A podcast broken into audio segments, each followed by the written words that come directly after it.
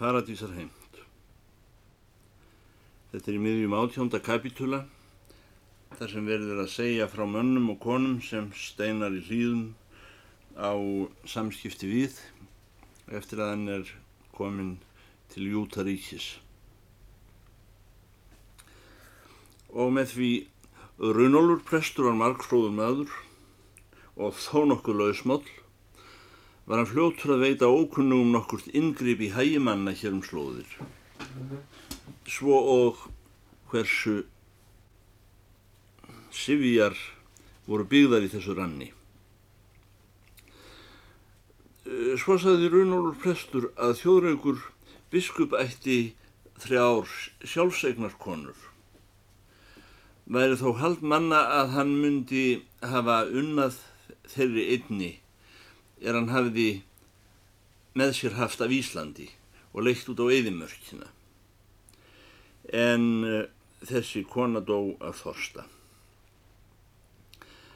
Hafiði hann urðað konuna í sandinum. E, eftir að hún var dáin bar hann barn þeirra á armi sér yfir eðimörkina ennum sinn en líf hjælt áfram að dvína með því uns reyfing var ekki lengur neinn. Þetta barn gróf þjóðraukur biskup í Sandsson og setti því kross úr tveim stráum.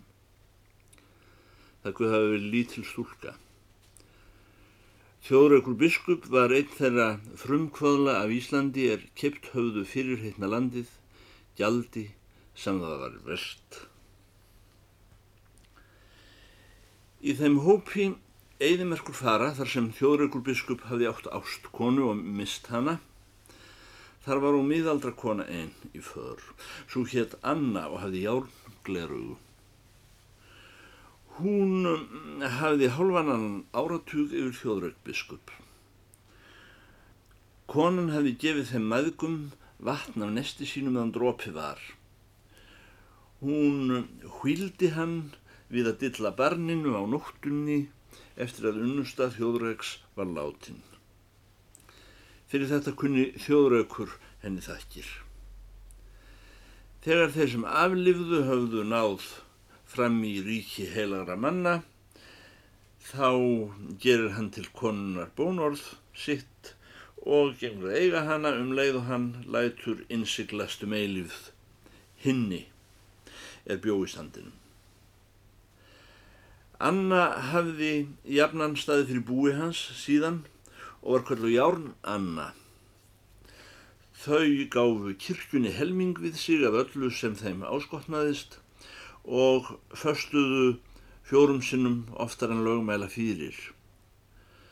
Bökuðu stein og byggðum hann um hús og dróu jæmt velskamenn og dani sem Íslandinga út úr jarðhólum þar sem frumbyggjar höfðust við og kalluðu dugout. Fyrir þetta og mörgunur þjóðhrifaverk var þjóðraukur, gerður repstjóri, biskup, steikarforseti, öldungur, melkísedekk og einn af tólf lærisvennum Lamsins eftir útvalningu lausnar hans undir spátum með nefis af náðaröld og dispensasjón sem kendri við fyllingu tímaðans. Þennan mann höfðu þeir í flóanum bundiði hestastein, keflað og hýtt undir messu. Þá var á reiki í Saltsjódal og þar í grend fátæk hvenn persóna einn sem sagðist vera fætt og í heimumborin í Colornei. Læriðir englendingar í steikinni hugðu það vera borg á Fraklandi. Reyndist þó um síður vera á Íslandi þar sem kallaður upp á Kjalarnesi. Þetta var stór og stæðilegur kvennmaður.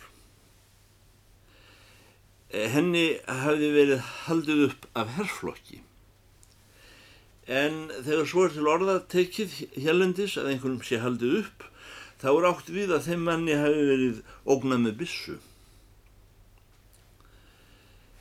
Um þær myndir var alríki stjórn bandaríkja, tekin að senda til Guðsborgar Síjón herrflokka með bissu, að fá helga menn til að gefa upp sjálftu siðferðislagmálið. sem uh, þeim var á Guði ofnberað og er af kirkjunni frambórið. Þar á meðal heilagt fjölkvæni. Hafiði herrflokkurinn gert stúlku þessari börn? Næsta ár var henni haldið uppi af rauðskinnum. Leggja þeir ör á streng og vega menna mikill list að síð Gunnars á hlýðarenda sem fyrir var ritað. Af upphöldum þessum varð saklaug stúlkan útrópuð meðal ímsa þjóða, engum þó meðal velskramanna og dana sem þá kepptust við að stunda hreinlífi í spánsforki vildu fáin menn hafa svo lítt niður raðaða konu í húsum sínum. Og um, svaf hún oft um nætur í Tamariks kjörrum á bökkum saltkjaldna þar sem æpa froskar og gnýsta engisbrettur og skortítur. Þar sváfu með henni börn hennar smá. Það var á einum jólum að þjóðraukur biskup dregur þessa kvensnift upp úr jarðfalli á samt börnum hennar tveim og uh, segir að það er anstætt bók Jósefs svo þeim kenningum er bóðaðar voru Bríkámi Junga innvirðulegum læri Svens Bámans að konur skildu svæðar ófyrir sinju af herrflokkum og indiánum og viðáengi hafði drottin af þeim sökum inn sett fjölkvæni með opimberun að engi kona skildi útilikja í skurðum með afkvæmi sínum um jólun. Um, var það útþrykkilegt bóð og lagmál kyrkju heilagra manna af hinnum næstum dögum að mormónar skildu venda sem flestar konur með eilifri innsiklun en eigi reykja þær fyrst á merkur og gera síðan hróp að þeim. Með þeim formála býður þjóðreikur biskup matum kolornei að ganga í húsitt og tekur hana sér til eignar konu aug járnannu sem þá voru tekin allmjög að riðga glerugu hennar. Hann innsiglaði sér og börn er madama kolornei hafiði eignast í upphöldum en gat önnur við henn sjálfur. Af þessu ógs virðing þjóðriksbiskups enn til muna í spánskum forki. Sást í þessu hvað hann var öðrum mönnum fremri þar sem góðvild og mannvit hjá honum jafnbrindi óttaleysi við hlaupidóma, velsbúa og dana. Þó stutti hann engin maður svo hraustlega í þessu trúar afreiki sem Járn Anna frumkona hans.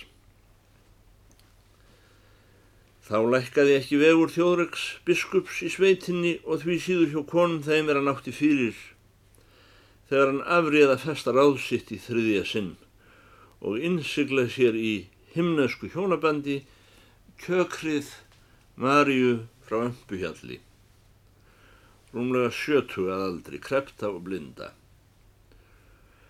Sú kona hafði og gengið neyðimörkina. Marja þessi var ætt úr Vesmanegjum og hefði eigi áður verið Karlmann kend. Hafði hún borist vesturhingað sem hjú barnafólks úr eigum. Var það hlutverk hennar að bera börnin yfir eigðimörkina og ganga undir móður þeirra sjúkri. Nú andast konan móður barnana eftir því sem tíkt var þar í eðimörkinni. Marja yfirgaf ekki börnin eftir að vestur kom, heldur ól þau upp og vann sjálf á þau hverja spjör, kendi þeim passíusálmana og sagði þeim dæmisögur af sann heilugum mönnum í Vesmanægum. Henni hraut aldrei stigðar yrði af örum við manni og kvíkindi. Hún var og í tölu þeirra fáu Íslendinga sem tala hillum veðrið.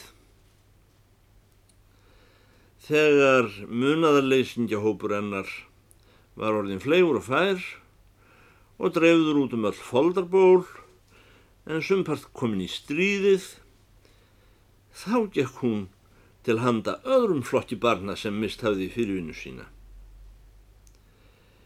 Einnig þeirri urpt kom hún til manns með spekjur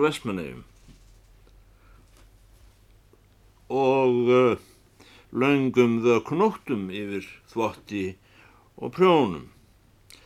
Sjálf orðin átt til blind. En þá einhverjum á sér í lagi með elsku semi sem þekkir ekki aðrur niður eftir tölur. Tímin líður. Og bráðum reytin. Þessi börn farin á stað út í heiminn að afla sér þeirra hluta sem Marja Jónsdóttir aldrei hyrti en það spurðist víða að íslensk kona geti látið sér þykja vend um annar manna börn. Þess vegna var Marja beðin að taka þessi danska ómöð í heilari borg sem vondir menn kalla Saltlækjar Sitru, eh, Salt Lake City. Leggur hún nú á stað til þessar góðu borgar, aldun nýinn, sjóndöpr og snöð. Hinn dönsku börn skildu ekki passíusálmana og varð hún láta duga að segja þeim dæmi af góðu fólki Vestmannegjum á svona fuggli sem kofa heitir og þar er dregin út úr bjarghólum og búin til úr honum kopna súpa. Uns, einnig þau börn voru þess umkomin að bjóða gút bæ. Mm, eftir stendur hinn blinda krepta kona á breyðum strætum heilarar borgar ein óstudd og vega laus. En uh, þá er hún fór að spásjara, kerðu menn yfir hana þegar í stað og bembrutu hana. Pólitíinn flytja nú konuna á spítala þar í sallækja sitru. Hún hvaðs þetta Marja Jónsdóttir frá Ömbuhjalli Vestmanheim var þá gert viðvart í spánskum forki að einstætt gamalmenni blind úr Westman Islands, Iceland, hefði fundist bembrót á göttunni. Ekki höfðu þjóðreiki biskupi fyrir borðs þessi tíðindi, en hann beitir hestum fyrir vagn og ekur til sallækja sitrum að hann hitti konun á spítalan og helsa henni með viltum og byður hann að giftast sér með réttri innsiklun í musturinu fyrir Guðjum tím og eilvið. Uh, síðan gefur hann einn dollar að uh, kaupa sér fyrir kaffi. Um, hann segir spítalahaldarann að um, gera sér orð þegar bein konunnar séu gróin, muni hann þá koma aftur í vagnni og sækja hana.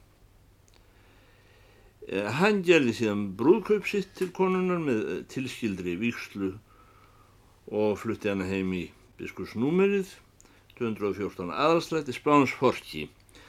Marja tók að sér að aðla upp börn, þau er Madama Colonnet sett í heiminn og kennir þeim fallegar bænir sér að Hallgríms á samt góðum sögum Vestmannegjum.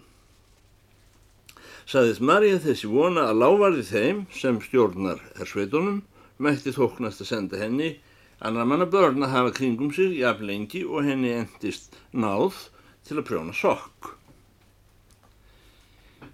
19. kapitúli Guðsborg Síjón Það dýnur af valhoppi stóra og smára hesta út á brautinni, marr af ökslum og hjólum. Fóröldin rölt á eftir full og trúnaðartrösti en ögn hugsi. Menn og konur ríða hjá, stóra erinda, konurnar söðulvega, en ungir sveinar tvímenna berbakt á gamlum klárum eins og heima e, þegar þeir eru að reka kýrnar. Nágrannar kom upp á pallin að helsa gestinum af Íslandi.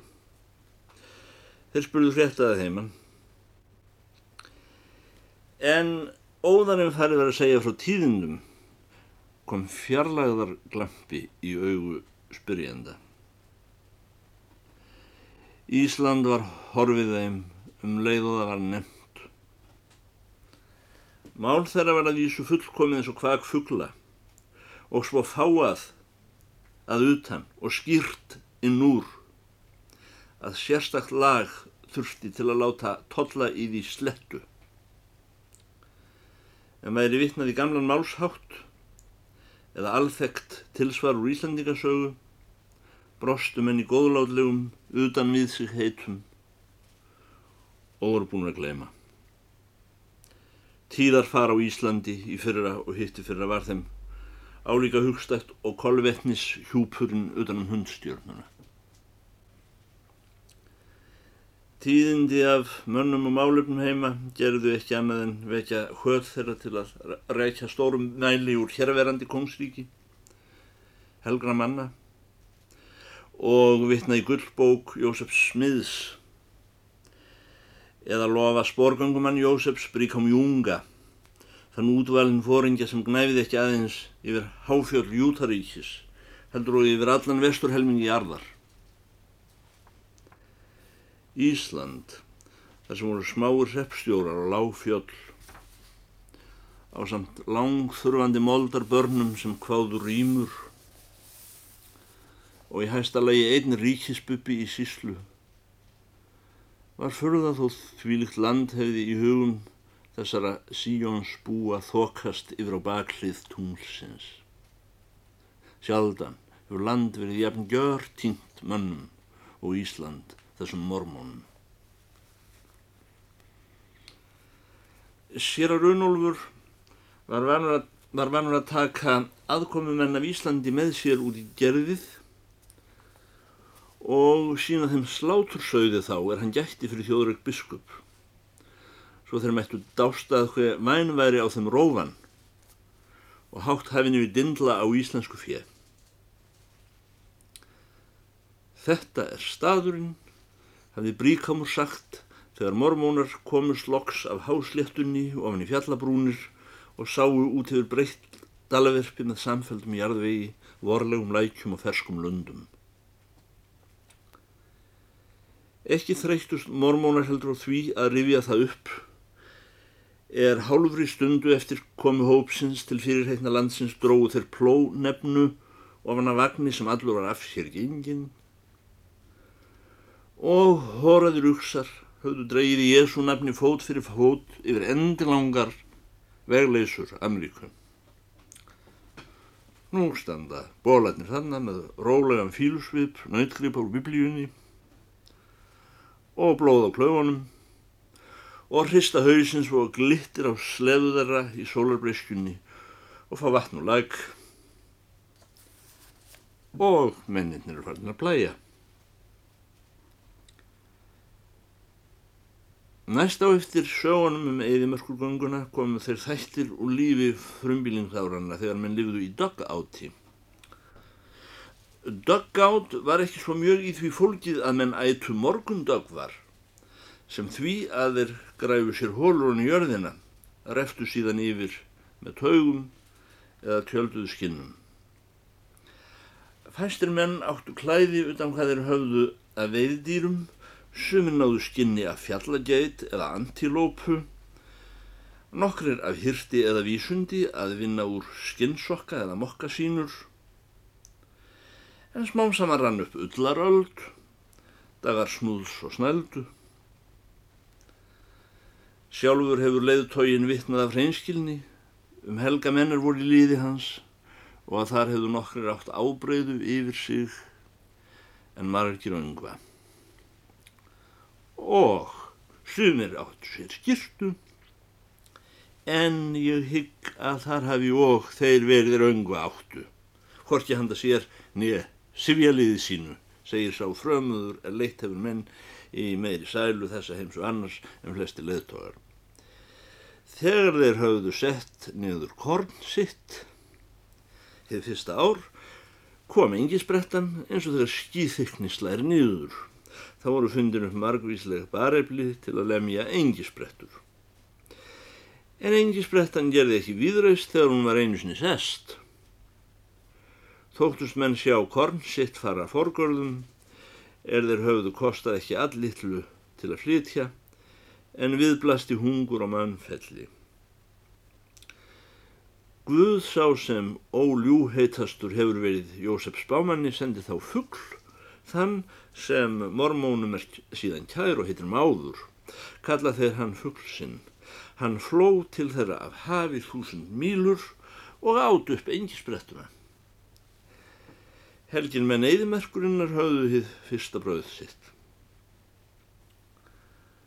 Nú voru riðsinn vissleg bendahús af solbökuðu múrsteini í spánskum forki, bjálkakofar voru óðum að týna tölunni og í dögg átti lifiði ekki nefn einstöku lútastrúar fólk. Hér um bil allir höfðu orðið viðhafnastofu með mynd af spámanninum og hýrami bróður hans og svo bríkámi Júnga. Á stofuborðinu liggur mormónsbók og perlan dýra. Rissnar voru þær menningarstofnanir sem gera sveitat borg, samkunduhús, poststofa og búð. Guð átti búðina með öðrum orðum samvinnu Vestlunarstofnun Síjónsborgar. Auga hans var málað yfir búðatinnar, umleikið gesslum sem voru eins og brottar á júlkeri og þessi orð heila úr sér drottin. Samkundu húsið átti kirkjan og territóriið poststofuna. Kirkjan átti réttin til að útluta jörðun. Hún átti auk eðimerkurinnar fjöll og afrétti þar sem fjegjakk sjálfala hún var og tekin að keppa við heina menn í því að vinna málum. Og hún átti vatnið sem leitt var úr huldum æðum fjálsins og veitt á akrana. Öll tilhaugun fyrir skipið af hálfu kirkustjórnarinnar og eins ef tilhaugun var breytt frá því sem áður var þá vittnaði allt í senn breytt sem óbreytt um handleyslu drottins og það sem kallað er korrétt hugsun. Allt sem hann hlottnaðist og áskotnaðist síndi að kenningin átti upptök sín í alheimslagmólinu. Nýjir skór, hattur, var lofgerðar efni um kirkju helgra manna af hinnum næstum dögum og forsagnir hinn að miklu leðtöða. Múlasnarnir, þessi ögn hátíðlegu dýr sem samina bestu kosti hests og asna utan þann að maka sig, voru þeir ekki merkileg sönnun fyrir sérstakri handleðslu gullbókarinnar í smáu og stóru. Hverjir höfðu að því skapi sem helgir menn gert sér þessi einstæðu fyrirmyndar dýr að þörfum þjóni. Menn síndu steinar í steinsinni barnaskóla þar sem sérlegur og þar til upplæriður kennari, enskumælandi, var hafður að kenna allþýðu börnum fræði sem aukamönnum virðingu í heiminum. Þessir menn og konur þeirra sem hafðu lifað hér í dögg átum fyrir tveim áratugum og vafist skinnum í trúsin á spámannin. Gata áþreifanlegri sönnun þess að spádómurum var réttur en slíkir viskubrunnar handa almenningi. Jafnvel mestu forgangsþjóðir heims sem höfðu þó lengi búið í skjóli sérstaklega náðar. Hvar voru þeirra almenningsskólar? Aðeins börn auðkífinga og ránglátra manna fengu skólamöntun í gamla heimi.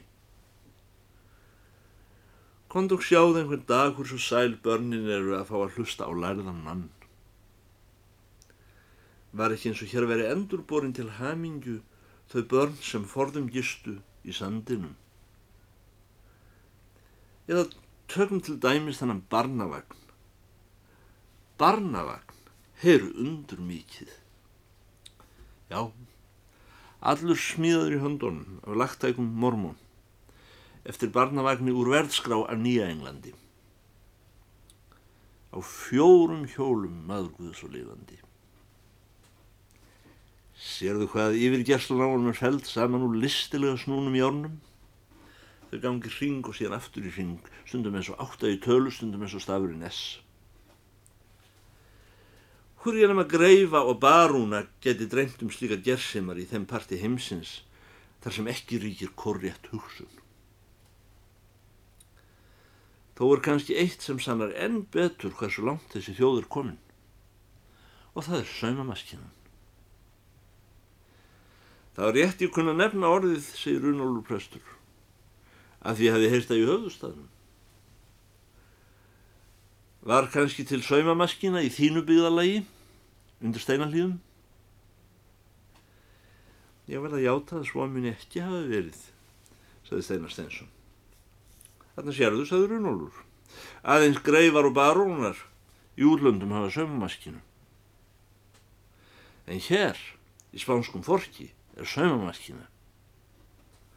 Þannig pjöllur endi gegn og í einni sjónhendingu er orðin til flík sem fellur eins og flýs við rass. Alheims viskan sem býr í orðum spámannsins og gerðum Bríkháms Junga, hún lýsir sér ekki eintómum óskapa sannleika sem ekki kemst fyrirnum í heilanum á ólega höfðustórum lærifæðrum háskólana. Nei, hún býr einnig í saumamaskinu þeirra manna sem í gæðir áttu að vísu kórjætt að hugsun en ekki skýrtu. Sæla döðlegsmaðans er svo að hafa verið leittur í þetta land. Ekki er fyrir það að sinja, saði Steinar Steinsson. Þurfa skal mikla heimsbyggi til að jafnast á því saumamaskinu. Því miður fórst fyrir að sinni að sína Steinar í maskinu þessa og jafnan þegar hann indi að því síðar var þar nokkur hengur á. Önguða síður sannfærðist þessi kútur undan líðunum um það að allt bar hér alheims viskunni vitni. Jafnvel krossin á lútirstrúarkirkjunni því hann var brotin af.